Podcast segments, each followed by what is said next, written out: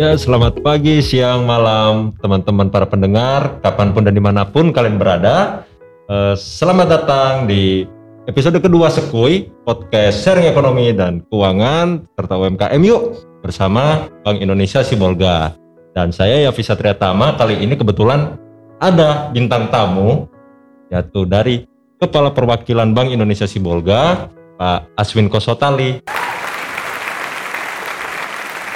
Apa kabar Pak Aswin? Salam sehat Bang Jalvi. Alhamdulillah sehat Pak ya. Alhamdulillah. Dan selain ada kan, Kepala Kantor Perwakilan Bank Indonesia Sibolga Pak Aswin, kita juga kedatangan tamu nih. Ada dari Ketua Yayasan Pesantren Darul Mursid Sipirok, Tapanuli Selatan. Ada Pak Jafar Syahbudin. Apa kabar Pak Jafar? Alhamdulillah baik Mas. Assalamualaikum warahmatullahi wabarakatuh. Waalaikumsalam warahmatullahi wabarakatuh. Aman Pak ya perjalanan ke sini? Aman dan lancar. Alhamdulillah. Dan e, mungkin sebelum kita mendengarkan podcast lebih lanjut, kami sarankan untuk teman-teman para pendengar Sekui untuk mematuhi protokol kesehatan dan juga tetap jaga jarak agar bisa terlindung dari namanya virus COVID. Dan mungkin sebelum kita mulai nih Pak podcastnya, e, saya bukakan dengan pantun. Ke kebun binatang ada pohon benalu. Selamat datang dan semoga sehat selalu. Oke. Mantap. Jadi kebetulan podcast hari ini kebetulan em, kami setelah menyelesaikan sebuah acara webinar yang bernamakan KKSU atau Karya Kreatif Sumatera Utara. Dan kebetulan Pak Jafar ini juga menjadi salah satu narasumber di acara tersebut yang membahas terkait ekonomi pesantren yang mandiri dan inklusif. Nah, sebelum lebih jauh nih Pak, kami sebenarnya penasaran. Sebenarnya kan PDM ini merupakan salah satu binaan binaan pesantren dari Bank Indonesia Sibolga. Nah, itu bisa diceritain nggak sih Pak sebenarnya dari PDM itu kok bisa berdiri sehebat itu sampai sekarang bagaimana sih Pak sebenarnya perjalanannya? Ya, terima kasih Mas Yapi bahwa sebenarnya kita itu pada awalnya tidak berpikir sampai sebegini. Ya. Kita beroperasi seperti biasa sampai akhirnya pada satu saat setelah kita menetapkan visi terakhir kita 2018 yaitu menjadi pesantren sains terbaik di Indonesia dalam hal prestasi dan manajemen. Kita merasa bahwa kita sudah selesai apabila kita tidak mengubah misi kita. Akhirnya kita memberanikan diri untuk mengubah misi kita dari lembaga sekedar lembaga pendidikan dan dakwah menjadi lembaga pemberdayaan umat untuk meningkatkan uh, kualitas hidup manusia untuk mencapai kejayaan peradaban Islam. Dari sinilah dimulai sebenarnya bagaimana kita mencoba mengembangkan usaha-usaha produktif di pesantren kita, tapi yang berkaitan dengan kemaslahatan umat. Sampai akhirnya kita memilih karena berkaitan dengan kearifan lokal, bahwa kita di dataran tinggi kita mengembangkan industri kopi, mulai dari perkebunan sampai pabrik dan pemasaran kopi. Kira itu awalnya. Eh, berarti mantap juga ini sebenarnya baru dari satu kalimat dari Pak Jafar aja udah dapat poin penting nih. Kalau kalau kita mau maju itu tetap harus merevisi misi dan juga visi biar kita itu bisa mencapai tujuan kita. Dan kalau boleh komen nih Pak Aswin, kan kalau dari PDM kan seperti itu. Jadi jadi memang dari misi PDM setiap tahun itu terus ya punya skop lebih besar. Uh, dan di kantor kita Bank Indonesia kan juga seperti itu kan Pak ya visi misi terus uh, berkembang sesuai dengan transformasi global. Nah mungkin saya melanjutkan lagi nih untuk Pak Jafar. Uh, tadi kan sudah Tapi, dibahas sedikit-sedikit nih tentang kopi. Ya. Nah kenapa sih kok PDM itu pesantren Darul Mursid bisa kepikiran untuk kopi? Padahal kan sebenarnya komoditas yang bisa dikembangkan kan banyak Pak. Mungkin ada dari ya perkebunan ataupun usaha-usaha lainnya. Kenapa kok bisa kepikiran kopi gitu Pak? Jadi yang tadi saya katakan bahwa kita mencoba melihat kearifan lokal bahwa karena kita berada di posisi ketinggian 900 meter di atas permukaan laut dan kita lihat hari ini kopi itu juga cukup janjikan makanya kita coba kembangkan itu. Saya kira sederhananya itu saja kita awalnya mulainya. Oh berarti dari kondisi geografis di ya. pesantren Darul Mursid ya. pun mendukung Pak ya untuk ya. budidaya ya. kopi. Ya. Nah, eh, Selanjutnya Pak, terkait kopi ini sebenarnya bagaimana sih pengembangan treatment ke kopinya tersebut? Apakah ada eh, seperti tindakan-tindakan khusus dari PDM yang membedakan kopi PDM dengan kopi yang lain ataupun ada ci- ciri khasnya dari PDM Coffee itu apa sih Pak? Ya, jadi kita memang eh, sama dengan eh, motonya pesantren Darul Musi selalu ingin kita di- jadi champion di dalam bidang apa pun kita. Maksudnya kita di prestasi akademik santri kita juga champion. Saya juga ingin kopi kita menjadi champion. Untuk itu kita memilih bahwa target kita adalah kopi yang kelas eh, premium. Untuk itu tidak mungkin ujuk-ujuk ini dapat, mesti dari awal yaitu mulai kita edukasi masyarakat ya ber, eh, berkopi yang benar dan sebagainya supaya kita mencapai target itu. Bener juga sih soalnya kan zaman sekarang siapa gitu yang nggak ngopi kan ya pasti kita semua butuh asupan kafein biar aktivitas kita makin mantep. Nah salah satunya ini juga difasilitasi nih dari kopi PDM nah kalau boleh tahu lagi nih Pak sebenarnya kopi PDM di Indonesia dulu nih itu udah menyebar ke mana aja sih Pak? Ya karena memang eh, kalau kita lihat sejarahnya kita masih sangat muda mas, kita masih baru tiga tahun, artinya belum banyak sebenarnya yang kita buat dalam tiga tahun. Tapi alhamdulillah begitupun kita juga sudah mengukir beberapa prestasi, misalnya dua tahun berturut-turut kita menjadi juara satu Green Bean Sumatera Utara, ya belum lagi festival barista dan sebagainya. Kita tetap ingin bagaimana kopi kita ini walaupun masih muda tetap harus berkiprah. bener-bener mantep berarti ya kopi PDM walaupun masih muda dengan umur 3 tahun tapi udah jadi juara satu gitu loh untuk Iya. Green Bean di Iya. Sumatera Utara Pak ya Ya, Sumatera Utara, Mas. Nah ini masih umur 3 tahun, gimana kalau 5, 10, wah Indonesia juga bisa takluk lah sama Insya PDM. Allah, insya Allah, amin. Insya Allah, insya Allah. Nah mungkin eh, saya lanjutkan ke Pak Aswi nih Pak. Tadi kan udah diceritain singkat dulu dari PDM eh, bahwa mereka sedang mengembangkan dan lagi progres untuk terus mengembangkan bisnis kopi. Nah sebenarnya ini kan juga sejalan nih Pak, Ya, dengan- jalan dengan program eh, strategis dari Bank Indonesia untuk mengembangkan pesantren. Nah mungkin apakah apa saja sebenarnya Pak yang udah dilakuin eh, dari teman-teman BIC Bolga nih untuk mengembangkan bisnis tersebut? Eh, baik, eh, Bang Jafi. Eh, saya sangat tertarik tadi dengan apa yang disampaikan oleh Pak Jafar. Ta- tadi ada tiga keyword yang saya catat tadi ya. Pertama adalah bahwa harus selalu berubah, adjust perkembangan perkembangan kita. Dan yang kedua, sampai kemaslahatan umat. Dan yang ketiga adalah kearifan lokal. Ini tiga hal keyword yang dipadukan oleh Pak Jafar dengan pesantren yang akhirnya menghasilkan apa yang tadi disampaikan. Nah, pesantren itu kita terus ber dan tidak hanya akan mandiri kami finansial dan tadi ada kemaslahatan dan itu memberikan kemanfaatan masyarakat dan tentunya tadi disikan dengan kearifan lokal. Ini eh, tentunya juga sesuai dengan um, Bank Indonesia satu strategis Bank dan kita memperkuat syariah masuk dalamnya adalah pesantren. Kenapa pesantren? Ini sangat besar. Lihat santrinya aja sudah berapa? Kalau nggak salah seluruh Indonesia itu jumlah pesantren itu eh, berapa Pak? Ini? 32 ribu. 32 ribu. Jumlah pesantrennya. Kafe. Belum santrinya. Belum alumni-alumni. Belum masyarakat-masyarakatnya sekitar yang terkait dengan eh, kegiatan pesantren itu. Wah potensi ekonomi sangat luar. Nah, belum nanti kalau 32 ribu pesantren itu kita linkkan. Ya bisa oh, jadi suatu eh, apa eh healthy trend ya hiburan dan bisnis pesantren yang bisa memberikan satu rantai supply dari uh, pesantren sangat luar biasa. Nah ini yang yang menjadi uh, uh, concern Bank Indonesia sehingga Bank Indonesia juga melihat potensi untuk kita kembangkan. Itu kami bersinergi dengan pesantren dan kan potensi betul. Jadi pesantren dalam rangka pengembangan kopi. Kita tahu kopi komunitas yang lagi naik daun, kan?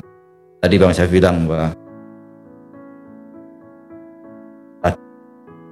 orang sekarang kopi, termasuk saya nih, eh, Pak Jafar. Waktu saya belum ke Sipulga itu, saya bukan penggemar kopi. Tapi begitu saya pertama kali datang ke PDM, satu kopi, ya, ya saya kok setiap hari nggak nyeruput kopi, ada yang kurang Pak. Nah, seperti ini.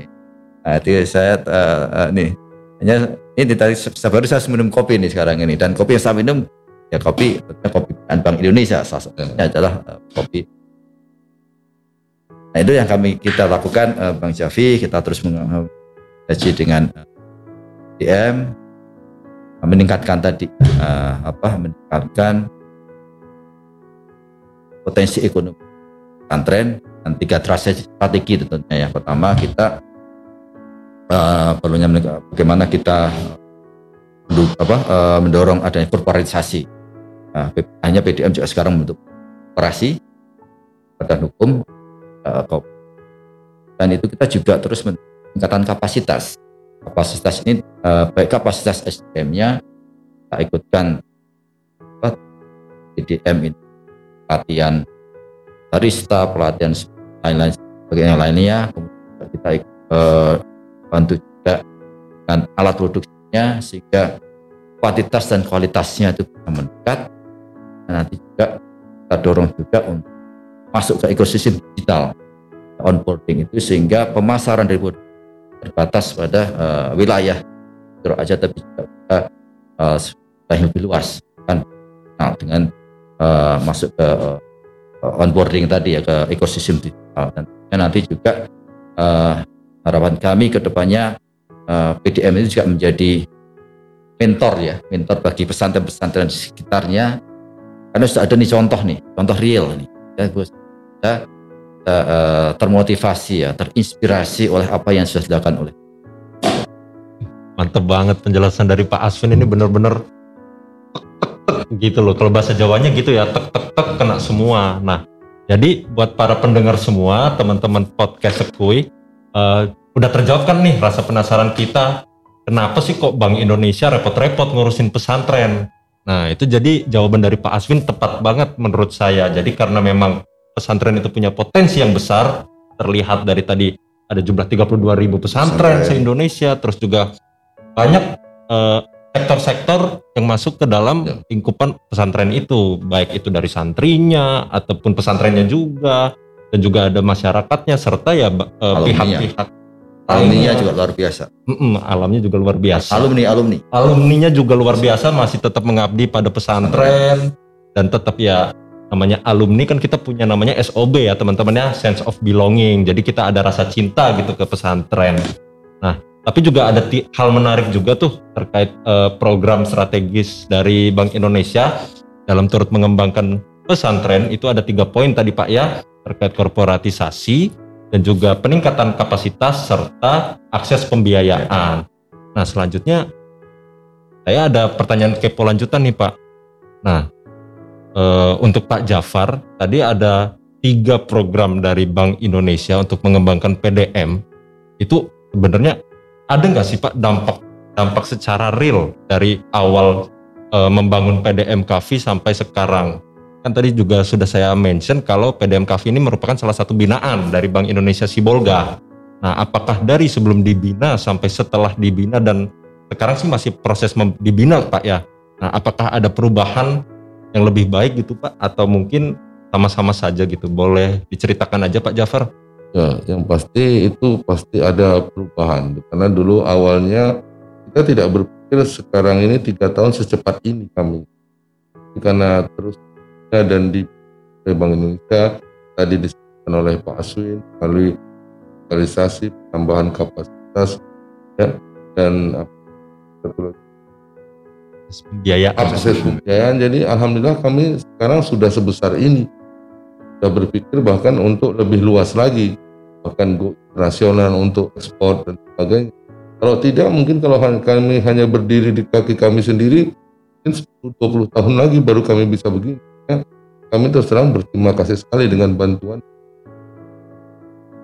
ada satu lagi nih Bang Javi nih, uh, nyambung dari Pak Jafar tadi.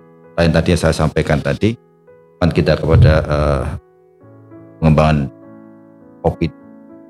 Ikutkan uh, produk-produk dalam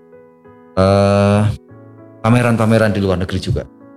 Kantor perwakilan kami di Singapura dan juga di uh, New York, Tokyo dan juga London juga uh, kita sering mengadakan uh, promosi dagangan kita, kita ikutkan perusahaan kami termasuk IDM Coffee dan alhamdulillah produk ini uh, direspon baik oleh pasar dan uh, apa uh, ada potensi bayar ya yang uh, cukup ikan ya kemajuan dari uh, kopi IDM ke depannya.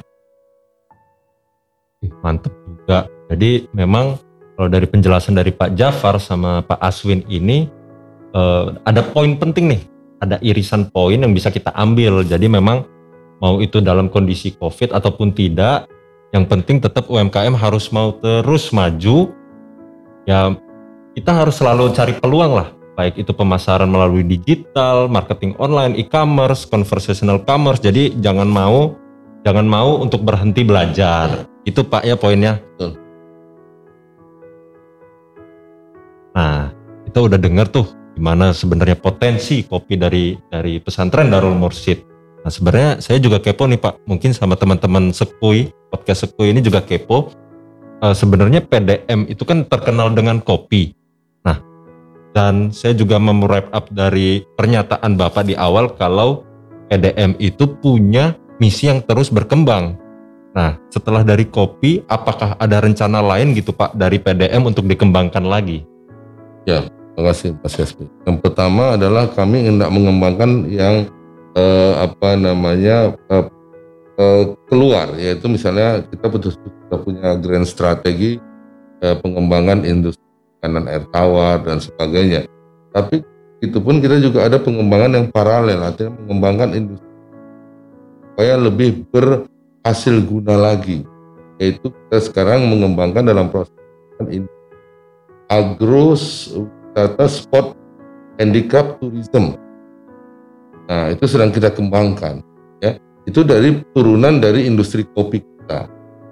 Nah, jadi ada industri kopi turunannya, tapi di luar industri kopi juga kita juga mengembangkan rencana-rencana ke depan strategis untuk pengembangan usaha Darul Mursid.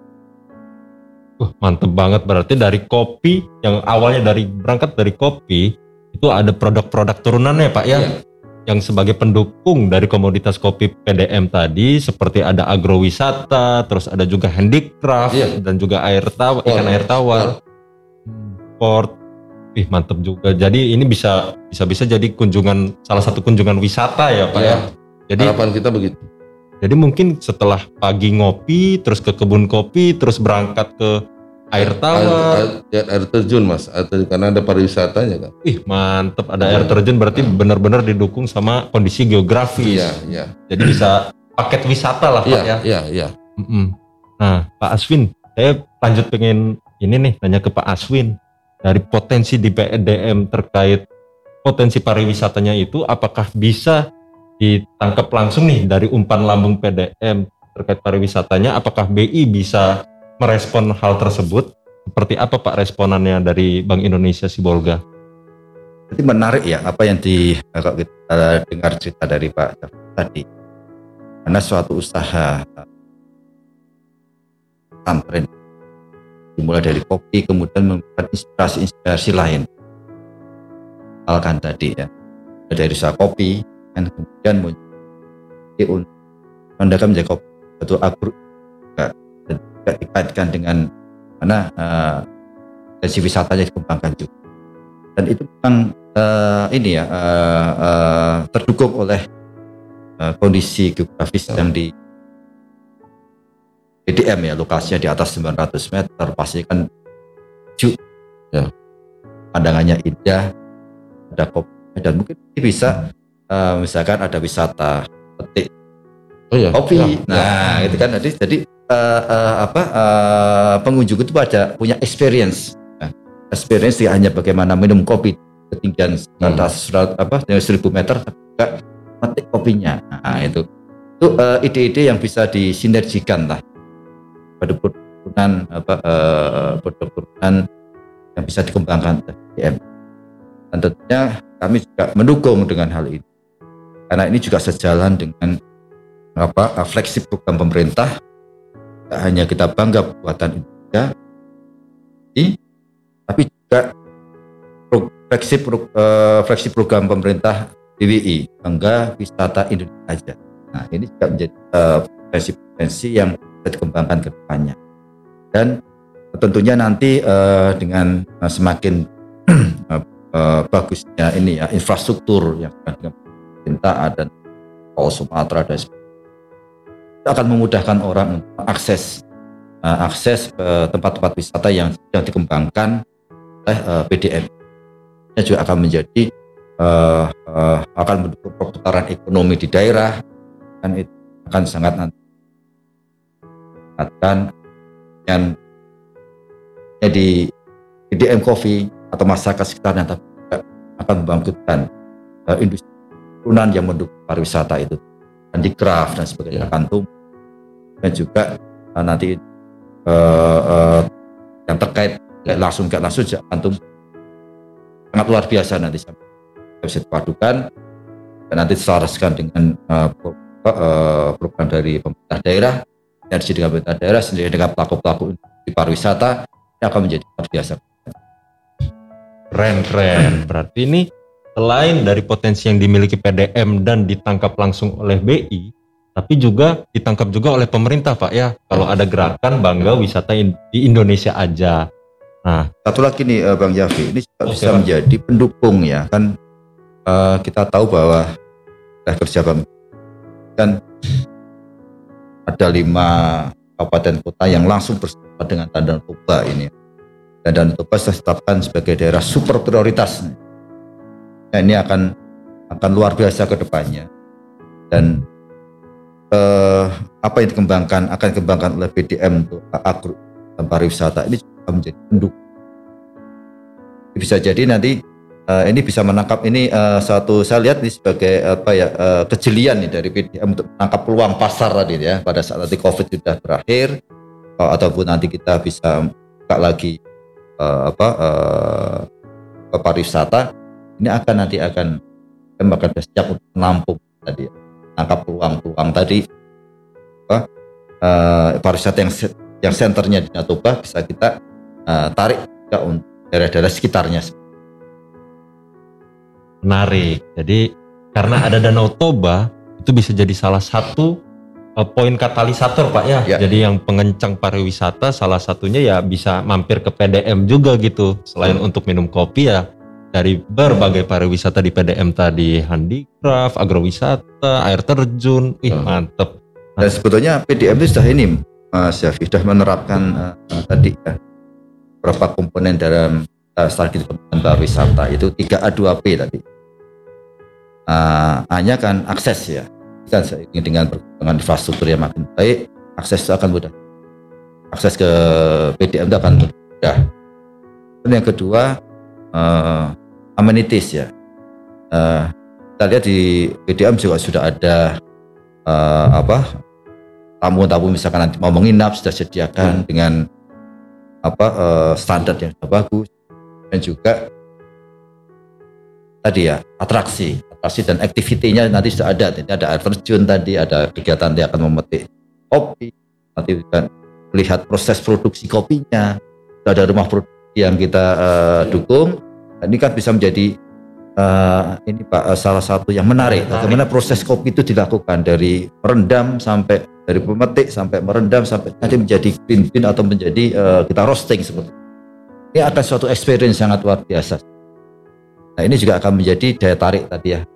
Uh, apa kata ya mengenai atraksi activity tadi. Nah kemudian ada kita ada dua lagi. Dua P yaitu uh, people dan uh, promotion. Soalnya kita lihat bahwa uh, PDM juga sudah me, apa mendu, apa akan kapasitas SDM-nya untuk peningkatan kopinya tapi juga menerima tamu, hospitality-nya juga sudah bagus. Dan juga sekarang didukung dengan program era digital ini promosi itu akan sangat murah dan sangat efektif. Kok dulu Mas Yafi misalkan mau jualan produk kan harus kalau nggak di koran, radio, ini mahal pastinya kan ya. Iya. Sekarang dengan digital ini, eh, ini kita bisa promosi dengan sangat murah, sangat efisien dan kita menyebar ke seluruh dunia. Itu untungan dari eh, era digital. Ini juga menjadi berbahaya nih Pak Jafar nih. Ya.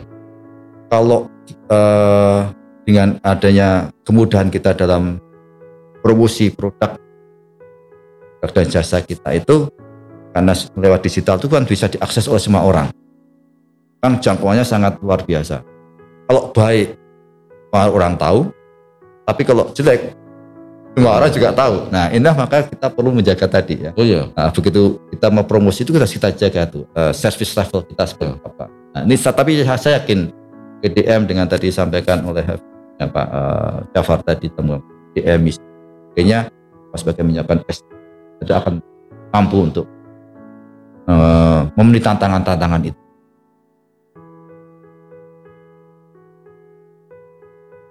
Nah, tadi sebenarnya ada poin menarik dari Pak Aswin bahwa dari suatu tempat pariwisata itu didukung dengan adanya 3A 2P. Dan itu pasti terus harus dikembangkan Pak ya oleh para pelaku pariwisata dan usaha. Nah, kebetulan ini mungkin saya juga ingin tahu nih sebenarnya pandangan dari Pak Jafar sendiri dalam mengembangkan usaha.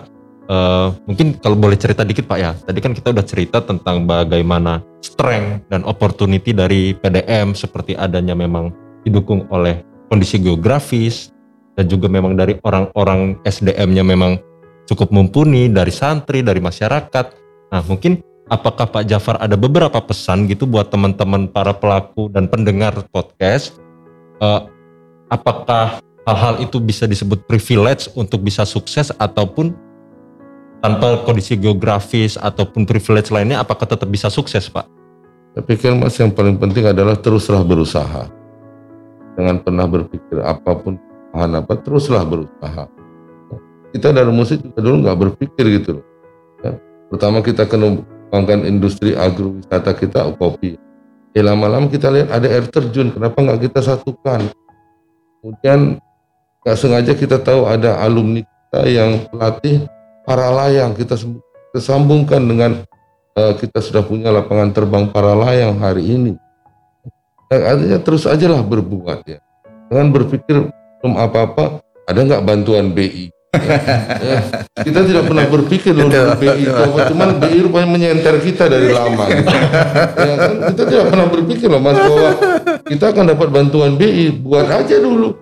Ya lama-lama BI mungkin tambah percaya dengan kita itu yang saya melihat itu. Artinya pada para penggiat UKM berbuatlah terus. Terus saja berbuat ya. Salah salah dan apa itu nanti. Tapi berbuat dulu lah karena saya Wah, luar biasa banget. Suatu quotes dari Pak Jafar ini kalau sebenarnya kita, masyarakat, pelaku usaha, pelaku pariwisata, dan semuanya itu pokoknya harus terus berusaha. Usaha, jangan mau menutup mata pada peluang. Pokoknya ketika ada jalan, kita harus lewati itu. Jadi jangan mau, ah nggak bisa ah, nggak mau dulu, nggak mau. Nah itu justru pantangan Pak ya Betul. harusnya. Jadi memang ketika ada opportunity kita gas lah di situ. Pasti setiap kesulitan itu pasti ada peluang. Nah itu Kita dia. harus melihat peluangnya itu, jangan melihat kesulitannya, tapi ada peluangnya Ya, itu kita. ada Heeh. peluang. Kalau bahasa Jawanya Pak ya, when there's a, there's is a will, there's is a way. Itu bahasa Jawanya ya. Betul. Heeh. Luar biasa nih Bang. Eh, Dan juga tadi dari Pak Aswin juga menarik nih dan Pak Jafar juga kalau sebenarnya ya dari BI itu ya nggak semena-mena ngasih bantuan aja Pak ya, Ya, tapi betul. kita tetap melihat bagaimana potensi dari UMKM ya. tersebut. Nah itu poin utamanya. Nah mungkin dari episode kedua ini sekian dulu teman-teman. Eh, terima kasih juga kepada Pak Jafar sama-sama mas ya. udah jauh-jauh datang nih dari Sipirok melalui 1028 kelokan dari Tarutung. Berapa tadi? 1200 1028 Pak. 1028 kilokan. Mm. Ini luar biasa nih tata rutung ini. Ini bisa jadi ini juga di peluang wisata kelokan. wisata juga, wisata, kelok. Uji nyali Pak, uji nyali kelok. Nah, Nah, jadi buat teman-teman yang pingin memabukkan tapi beda dengan yang lain, ayo. Gitu ya. Eh, karena Pak Jafar ini dari posisi Tapanuli Utara Danau Toba Pak ya. Iya, iya. Ah, ah. Dan juga terima kasih juga kepada Pak Aswin Ya, eh, sebagai Kepala Perwakilan Bank Indonesia Sibolga untuk join nih di podcast kami. Dan mungkin eh, penutup dari saya, eh, terima kasih teman-teman podcastku yang sudah mendengarkan podcast kami eh, di episode kedua ini. Dan tetap pesan dari kami eh, patuhi protokol kesehatan, jaga jarak, cuci tangan, dan jaga lingkungan kita semua agar terhindar dari virus COVID-19 dan semoga semua pandemi ini segera berakhir. Saya Yafi Satriatama dan tim dari Bank Indonesia Sibolga pamit undur diri dan jangan lupa untuk dengarkan lagi podcast episode selanjutnya dari podcast Sekui, sharing ekonomi, keuangan dan UMKM yuk bersama Bank Indonesia Sibolga. Dan terima kasih. Wassalamualaikum warahmatullahi wabarakatuh. Horas. Horas.